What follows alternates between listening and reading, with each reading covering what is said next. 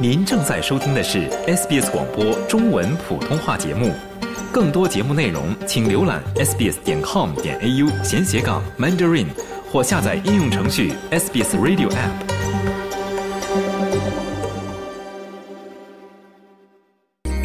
从法律角度看待社会现象，以专家意见指点生活迷津。请听现场说法。现场说法，您了解法律、咨询问题的空间。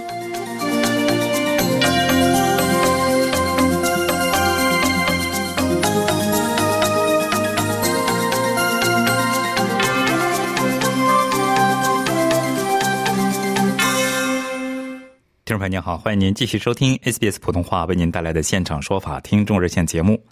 在本期节目中，我们邀请奥和绿业管理合伙人林慧明律师为您介绍有关电动踏板车规定的知识。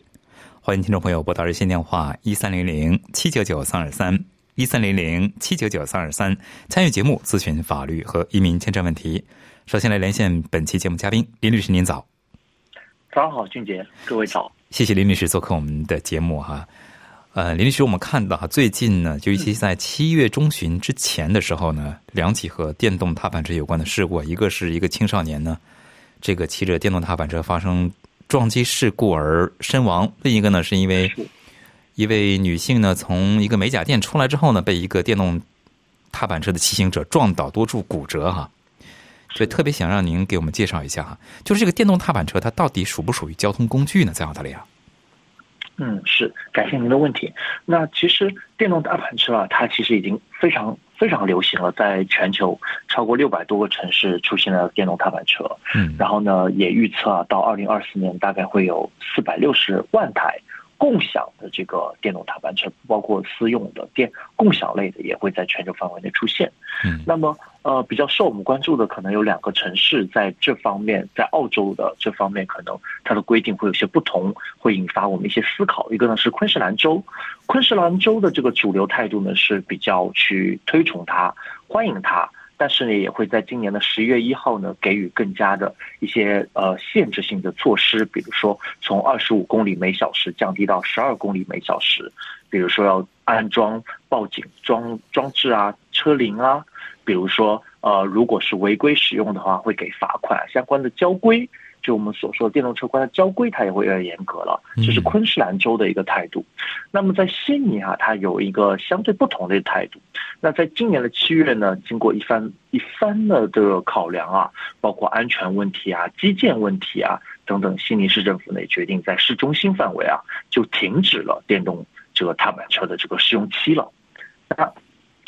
回到您刚才问题，它属于这个。道路交通工具嘛，那包括我们现在说的很多电动的这个独轮车啊，unicycle 啊，我们是说 scooter 啊，就我们今天讨论的电动踏板车，还有滑板，电动滑板，还有电动的两轮平衡车，还有电动滑板车 skateboard。那这些呢，其实我们经常在路边会看到有些稀奇古怪或者是多多样的一些呃便携式的一些呃工具，对对。那这些呢，其实它严格意义上是属于我们说的道路交通工具了。它们，但是呢，有时候定义会有些模糊。它到底有时候是走车行道，还是走自行车道，还是走人行道？我我走在路边的时候，有时候都会看到电动车在三个车道，有时候都有可能出现。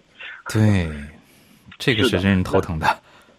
对，是，所以呢，很难让行人或者是开车的驾驶员啊去。警醒说他会在什么样的车道去出现，所以呢，当一个时速达到二十五公里或者发动机超过两百瓦的这样的一个电动踏板车的时候，它就会被定义到道路交通工具。那如果是道路交通工具的话，那它就会被面临更严格的法律规则。那这是很多的驾驶这个电动车它需要去注意的。那当然，很多人现在也会去改造它的电动啊踏板车。也是要注意这方面的交通规则的。嗯，如果它是一个交道路交通工具啊，但是呢，现在有没有很多规定去规定它的话，只不过是还没有实施，可以这么理解吧？是的，是的，但会越来越严格，我们能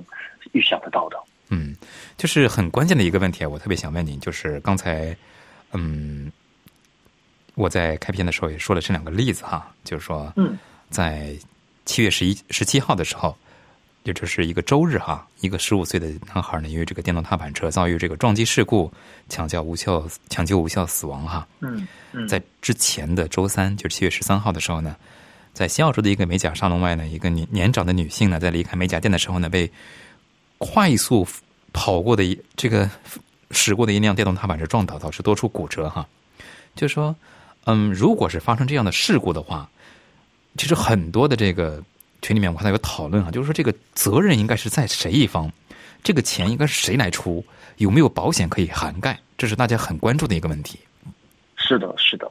啊，就您刚才所提到说，现行的法律下，如果我们以刚才您说的这样例子，电动车、电动踏板车出现了事故，谁来负责？那么按照这个澳洲的道路规则。各州呢，它可以去禁止电动踏板车出现在公路或人行道上。实时情况下呢，大多数州呢也是禁止或者是限制，但仍然有不少城市，它其实在一个开拓啊，或者是在试用的阶段，因为毕竟是一个环保的一个交通工具。但如果我们是骑手，我们作为骑手，我们不小心撞倒了人，比如说在刚才十五岁的男孩，他撞倒了。呃，这个上学的时候撞到了其他人，或者我们在经过的时候把美甲店的一个顾客给撞到了。那么这种情况下，我们肯定要为这个其他的受害者负责，并且我们可能要为自己的这个伤儿负责。但是反过来，如果不是我的驾驶员出现了问题，如果是电动车它本身出现了问题，也有这个可能。那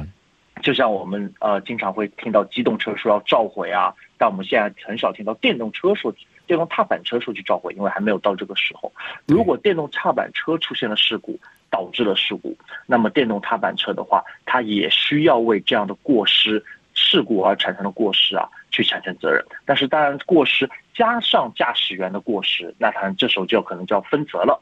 那一方面可能是电动踏板车公司的责任，一方面可能也逃不了这个驾驶员本身的责任。这是第二个层面啊。但这时候呢，又可能来第三个层面了，就是说。电动车呢也没什么问题，骑手呢也没什么问题，但是呢，是因为基建，因为我们刚才讲到说，现在有些车行道也会看到，自行车道也会看到，但人行道也会看到。但如果这样的车道因为路面不平或者道路受损导致的车祸，这就是我们说的第三个可能的原因了。这时候呢，受害者啊需要去证明市政府是有一定的过失的。既违反了照顾义务，就是没有相关基建把它给做好。如果能证明成功的话，也可以向市政府的公共责任保险公司进行这个索赔。那因此呢，我们可以注意，就是说，如果我们造成了损失，可能汽车有责任，电动呃踏板车公司有责任，可能基建的这个给予这个环境的基建的相关的一方也可能会有责任。那他们相关的保险可能会要面临呃去主张这个保险的公共责任，嗯，公共责任险。根据您的了解，就是说，如果是这个，呃，电动踏板车认为是这个骑行者认为是这个电动踏板是出了问题，然后让这个电动踏板车的这个生产公司、生产商去负责，甚至比方说道路出现问题，让这个市政府有过失方面提供一的赔偿的话，这种可能性大不大呢？嗯，我觉得。第一种就是直接向骑手去索赔，这可能会是最直接的，因为对于老百姓来说很难去证明电动踏板车它直接有一个事故，因为它毕竟也属于一个新兴的一个移动工具，并且需要一定的专业知识，可能去证明政府有相关基建的这个过失可能会更难，但直接能证明说是第三方骑手造成的会相对的简单一些，呃，这种情况下可能就造成了一个侵权责任，那。如果我们直接向，因为事情直接就发生了，但可能难点就在于说，我们要去获得这个骑手的个人信息，并且要去承保这个骑手的第三方责任，这可能会比较难，因为不像汽车，我们是被强制要去买这个 compulsory third party 的这个 insurance 的，但在电动踏板车当中，其实还没有说您骑这样电动踏板车一定要买这样的 CTP 第三方责任险，还没有这样的强制保险，所以难难在一定的保险跟信息的获取上。就是比方说，其中这个案例吧，就是有人骑这个电动踏板车撞倒了一位女性，并且多多处骨折哈。像这种情况下，会有就是说，除了自掏腰包之外哈，这个肇事者自掏腰包之外，责任方自掏腰包之外，还有其他的方式可以把这个损失弥补回来吗？比方说保保险或者其他方面的。呃，一方面就是看这个女性啊，她自己有没有自己的人身保险了。那等于是 claim 自己的保险。那第二方面，如果当时能马上，比如说我们揪住骑手说，哎，你先别走，因为走了之后没有任何个地方会登记，因为没有车牌嘛。其实很难再去找到他，比如就是说，那你的信息是什么？你可能要索赔。那再包括当时的这个 CCTV，当时的证人，这是第二方面。一是自己的保险，二是骑手的保险。三啊，有可能是这个美容，呃，美容店它门口的一些基建，它是否做好了？比如说，它是否具备基本的这个提醒，是否具备基本的这个隔离？嗯啊，呃，基本的安全措施这些它是否有？如果没有的话，在一些商家的这个店内或者门口，依然是有可能去主张他的公共责任险的。哦，这样，甚至在门口也是。一定的门口需要给予一定的指示牌，如果这样的门口是大量的车辆去经过的话，需要起到一定的提醒。当然，最直接的还是自己的保险跟骑手的保险。即使是就是说，如果这个，比方说责任方他已经走了，找不到这个人了，仍然是可以这个。向自己的这个人身保险的投保方这个保险公司去索赔的，对吧？对，但这个索赔呢，更多等于我们所谓的报销，嗯，不叫额外的赔偿，就是我受伤多多少，我去报销报多少。非常感谢林律师的介绍啊，我们还有更多详细的内容，在稍后有时间呢和大家来分享。欢迎听众朋友继续拨打热线电话一三零零七九九三二三来参与节目，咨询法律和移民签证问题。接下来我们来接听听众电话，这位是周女士，周女士您好。哎，你好，早上早上好，两位好。你好，哎，这样子的哈，我是啊，full time，然后呢，我昨天我就申请说我不辞职了，我不做了，full time 了三个月多了。然后呢，老板就说啊，今天呃要我过那边还钥匙，然后就说今天会付给我，因为我 two weeks notice 到那个八月十四号的，然后他只是说明天。要我不做，然后要付给我，这样子，老板这样子可以吗？然后我该怎么做？好的，谢谢您的问题，周女士。那原则上呢，我们比较常见的，比如说一年以内我们给到一到两周的通知嘛，这是比较常见的。您也已经给予了两周通知，其实就到八月十四号。那这时候，呃，雇主呢有两个选择，一第一种选择呢就是支付到您到八月十四号，但有些雇主呢可以选择，OK，我依然支付您，但是呢，您可以不来上班了。但我依然会支付您，因为比如说出于有有些雇主会考量说，呃，雇员再来这时候心态其实已经发生变化了，或者雇员再来这时候心态呢可能会去看一些公司的机密资料啊，或者跟同事呢有些呃不同的这个情绪的这个表达了，可能雇主有这种担心，那这种情况下可能就说，哦，雇员你就可以不来，但我依然支付你的工资，这是有时候会出现的。这是会出现的，公司会恢复到我的 two week notice 是吧？不是 only today 是吧？哦，不可能到今天的，不不是昨天，就是今天他就付到今天就不会，但他有可能让您不来上班，但依然支付您，这种情况倒是有的。嗯，或者他就让您在家里上班。OK，因为我是五月一号开始报税的 full time，到现在八月一号，是不是我我有这个呃权利可以拿到这个 two week notice 的 payment 是吧？对，但。呃，这是我们刚才讲第一个方面嘛，哦，第一个方面，我们还有两个方面再给您分析一下。第二个方面呢，就是您要看一下您是否已经过了试用期了。如果在试用期之内的话呢，它是可以跟您提早的达成这个呃解除雇佣合同的这可能的。那雇佣期呢，三到六个月为常见，为常见，所以您可能要回到您的雇佣合同里面，是三个月呢还是？因为您刚刚卡刚刚卡在三个月嘛，所以回到雇佣合同去看一下是哪个。这是第二个层面，我想跟您去解释分享的。第三个层面呢是，如果您决定是八月十四号是您的 two week notice，但是呢，雇主跟雇员呢也愿意提早结束，那也是没有问题的。比如说，他提出说今天能不能结束，您就说可以啊，那就今天结束吧，就支付到今天。在双方自愿同意的情况下，也可以提早结束。所以这三个层面是我刚才听到您的问题之后，可以初步的您先去考量一下的。嗯，张女士。没有，因为呢，因为他是没有给我合同的，什么都没有，只是要我的报税的东西，然后我就说，哎，你是不是要给我一个 group certificate 给我签名啊？他说不需要了，全部都是网上，所以我一分东西都没有给我签名。了解了，呃，这这可能会有一些不合规，因为原则意义上是要有一定的书面，还要给到您那个公平工作委员会的这个呃信息表，就 information statement，告诉您您应该有的权利的。但如果没有给到您试用期的话，可能会适用于三到六个月比较较多，这里可能就会进入一个可能的这个纠纷了。嗯，那如果这样子的话，我也不知道我是三个月呢，或者六个月呢，或者怎么样。然后呢，有一次他发信息给我，我说我的我我我我请假了三天来来我的 holiday，、然后他不付给我，然后他又说哦，呃呃，我们一般都是六六，我是他说他从来没有给给人给他的员工 holiday pay 的，呃，然后他说我要不合适做到六六个月，他才给我这个 holiday pay，当时奖励我。哦，这这肯定不是奖励，这是您的法定权利。在我们之前的有一期的这个现场说法节目当中，我们也分享了在雇员的这个的合法的权利，您是肯定有相关的这个年假的。如果是全职的话，一年是二十天的这个全呃这个带薪假期，这不是奖励，这是您的法定权利。所以他这么说是不合适的。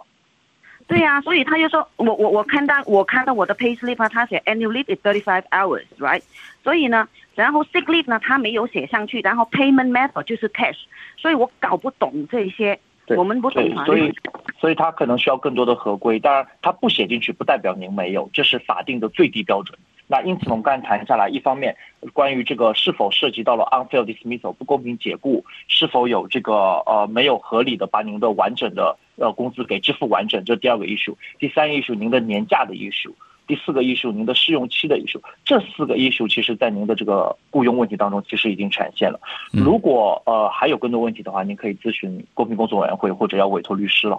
好嘞，谢谢郑女士。哦我我以对，然后律师的话呢，是我找哪一个 legal aid 吗？是免费的那一种吗？或者怎么样？呃，legal aid 呃 legal aid 比较少会帮助雇佣法，但是您可以先尝试一下。嗯哦，这好这 OK。然后现在呢，我是不是可以就跟他谈说，我你不要上班，但是你也要给我到八月十四号 two week notice 那个 payment，是不是我可以这样子要求？不要上班，您呃，我觉得您提不合适，雇主可以提，就雇主可以提说，呃，您不用来上班，但是依然会付给，但是可能您提会不太合适，您依然做哦您应该做的工作。不不是，只是说他今天他要我九点二十分、九点八三十分要上班的，他要求我们每一个雇雇员都要九点二十分到，必须到，你迟一分钟罚一一块钱，所以不好意思，激动了。十一分钟罚一块钱可能也不合适。对呀、然后他这样子写了，然后呢说要我九九点二十分要把钥匙呃还给他，支付还给他，然后呢说你今天不用上班了，我就发工资到今天，所以我好难做，我不知道我要不要去呢，或者怎么样。对我建议您依然要要去岗位去跟他去一个和呃好的一个沟通啊。那迟到一分钟罚一块钱这样的书面记录您也保存好，可能也是另一个法律 issue，郑女士。他不给我拍照，他昨天刚刚出来的那个什么，他不给我拍照。然后呢，对，然后现在我不知道怎么做，我我去呢，我每天都要上吗？如果他不肯给我的话，我要不要每天上班？呃，肯定是先协商的。如果他拒绝让您进来或者安排您在家里上班的话，我会建议您今天先跟雇主有好的协商。如果协商不成的话，那可能公平工作委员会或立委就可以帮助到您。呃，但这几个 issue 您记好啊，这几个 issue 都要跟他讨论的。好嘞，谢谢周女士哈。听众朋友您好，欢迎您继续收听 SBS 普通话为您带来的现场说法听众热线节目。在刚才的节目中呢，奥和绿业管理合伙人林慧梅律师为您介绍了有关电动踏板车规定的知识。欢迎您继续拨打热线电话一三零零七九九三二三一三零零七九九三二三参与节目咨询法律和移民签证问题。接下来我们继续接听听众电话，这位是朱女士，朱女士您好，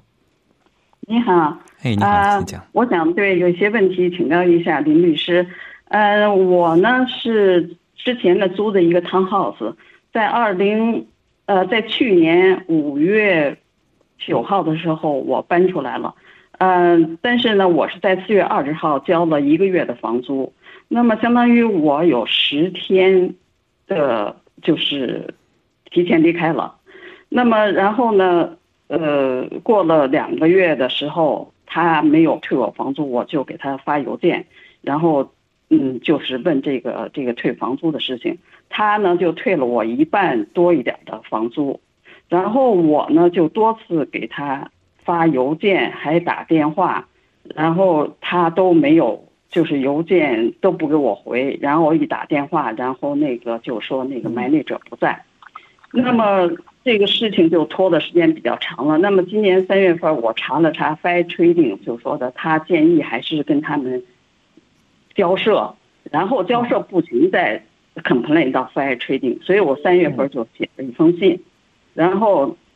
呃，没有回应。四月份我又写了一封信，然后这个 manager 呢就说啊，我会叫另一位员工处理这件事情。那么我就跟这个员工我又联系了一下，他说你给我一些一点点时间，然后因为我刚满天满天任期 leave 回来，那么我就一直等到七七月中下旬了，那么就给了他将近三个月的时间，他没有跟我任何反回馈，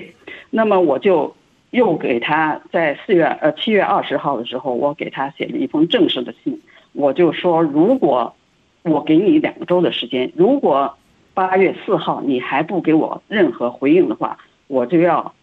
到 Fire Trading 那去让他们给呃有一个干预了。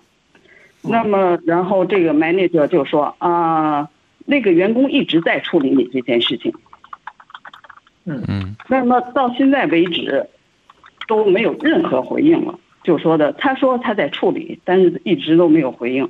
所以呢，我的就是想问问林律师，这种事情就是我应该下一步怎么做？但是呢，因为这个事情呢发生呢之前还有一件事情发生，所以我想这个钱呢可能跟那件事情有是又有联系，因为在二零二零年初，二零二零年初的事儿了，一月十五号我们去国外旅行，回来的时候，二月七号回来的时候呢，就是满地的水。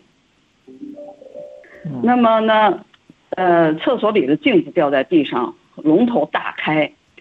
然后我们就不知道发生了什么事情，就把这个拍照啊给 agent 就解释了我们这个发生的事情，然后那个，因为那个就是首先要让他们知道，就是有这么一件事情发生，那么接下来就是有水费就来了，然后可能不到一个月吧，就水费单子就来了。啊，很很大的一个一个一个数据。嗯，那么我们就又把这个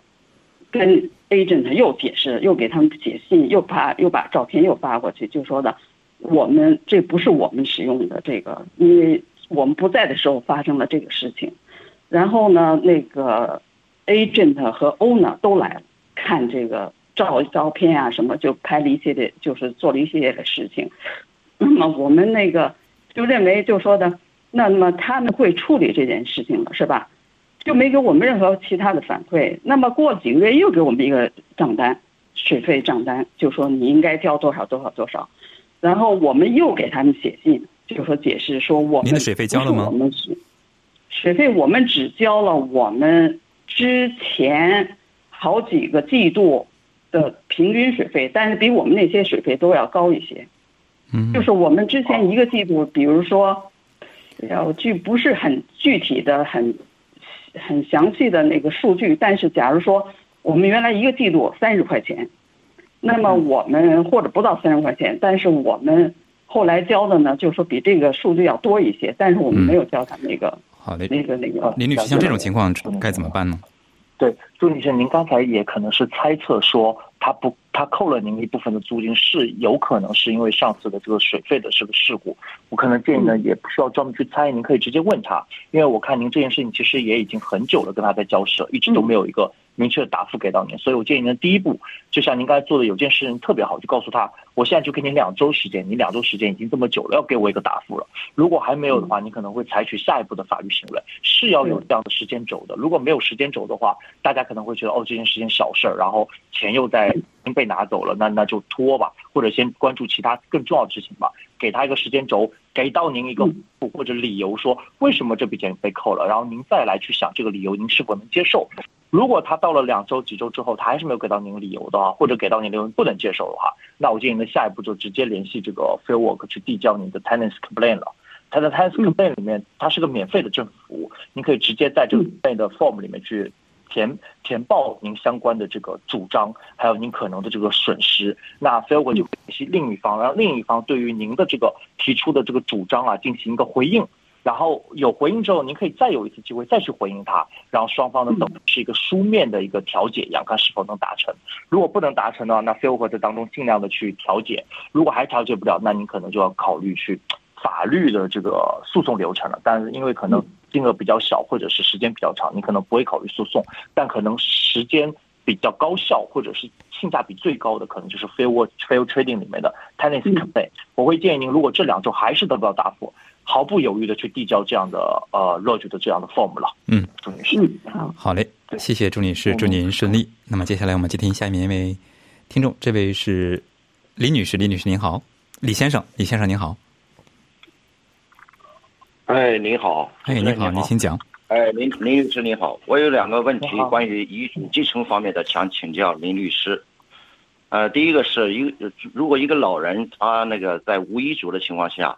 呃，去世了，他的房他的房产呢占一部分比例，然后他的太太也占一部分比例，啊、他唯一的儿子也占一部一部分比例，在这种情况下是怎样那个房产继承的程序呢？请吕律师给回答一下，好吗？哎，好的，谢谢您，谢谢您提出这个关于遗嘱的问题啊。那么在澳洲啊，如果没有遗，呃，一般有两种的继承方式啊。第一种就是有遗嘱，那这个呃逝者啊，他可以根据自己的意愿去安排自己的资产的这个未来的这个继承的顺序。那这是第一种有遗嘱了。您刚才的问题呢，正好是呃跟第二种情况比较去匹配的，叫做无遗嘱的顺序。无遗嘱的话，如果有配偶没有子女，那所有的遗产部分会归于配偶。第二种有有配偶也有子女，那么子女呃是跟现任配偶产生的，那所有的这个遗产是跟这个配偶配偶会拿走。但如果配偶也去世了，只有子女的话，那子女会获得全部的这个遗产。所以呢，根据一定的顺序啊，所以第一的这个顺序流程啊，会是先他的配偶，配偶先去拿走，那配偶呢，配偶会是第一顺位，然后再是子女是第二顺位。嗯 OK，这个比例那么是最后是谁谁来确定呢？这个最后这个，因为他没有遗嘱，就是说就是内部协商是不是？就是他的配偶他的孩子内部协商这个比比比例是吧？呃，不是内部协商的，不是内部协商的。如果有一个配偶，对，或者也有孩子的话，那呃如果所有的孩子都是跟这个配偶所生的，那遗产是全部归配偶，就是配偶是第一顺位，第一顺位。哦然后假设配偶去世了，那孩子才会拿走的。OK，这这这是在无遗嘱的情况下是这个这个对这是在无遗嘱的情况下，是的。但这个这个情况其实跟我们一般的，比如说华人的传统思维会有些不同的。我们可能会认为，就是说，哦，孩子跟这个夫妻应该会，呃，这个配偶啊，应该要去平分啊，或者之类的，呃，所以这种情况跟我们的传统的华人意识会不同，所以很多的华人都会有遗嘱，去相对去改变这样的澳洲的这个遗产的这个分配规则，因为在澳洲的遗产法里面啊，配偶才是自己的家人，成年孩子其实已经不是自己的直接家人了。嗯好的，李先生，OK，明白了。还有一个问题想请问这个林律师，就是说，如果一个老人他有遗嘱，啊、但是他可能身后没有亲友了，呃，他嗯他立下了遗嘱，立下了遗嘱，就是说他怎么就是哪个机构来监督这个这个这遗嘱的执行了？因为可能他没有亲友了，他可能把他的财产捐给呃政府有关机构了，但是谁就是他身后谁来监督这个遗嘱的执行呢？对，现英文这个我们叫做这个呃受托人，就是根据受托人或者遗嘱执行人去执行里面遗嘱的重要内容。那如果没有亲友或者是可信任的话，往往可以再去选择专业人士，比如说是监护人机构，呃，我们所说的 public trustee，您可以记一下，这样的机构会帮助有一些没有这个信赖亲友的一些人去帮他去监督和执行他的遗嘱。您您刚才说那个是 public charter。trustee，trustee 对公共受托人。哦，叉叉叉叉叉 T 是吧？对，public trustee，就 trust 后面加双两个 e，对吧？对，您可以了解一下。那我好的我可以到网上去 Google 一下这个机构来监管这个遗嘱的执行是吧？好，我们现场说法以前也蛮大的嗯以前也聊过这个话题，建议您去搜一下哦现场说法。再再一个问题就是说，在在澳洲这个遗嘱可以用中文来自述遗嘱吗？呃，可能呃可能无法。呃嗯，它原则上是要有两个人去监督他去呃去见证他去完成这个遗嘱的签署的。好嘞，谢谢李先生，祝您顺利。接下来我们继续接听听众电话，这位是杨女士，您久等了。哎，你好，你好，是我是吗？哎，是您，杨女士，请讲。是这样的，就是说呢，我是关于我自己个人的问题，就是那个，因为我呢是 part time，但是我在两个星三个星期之前嘛，最后一天工作是七月二十三号，辞职了。辞职之后呢，我在辞职之前呢，给他们发了两个星，给他们两个星期的就是 notice。完了之后呢，就是最后他付我工资了。我在那已经上班两年了，完了后也有合同，什么都有。呃，完了之后呢，因为还最后我还应该有一百个小时的这个 annual leave，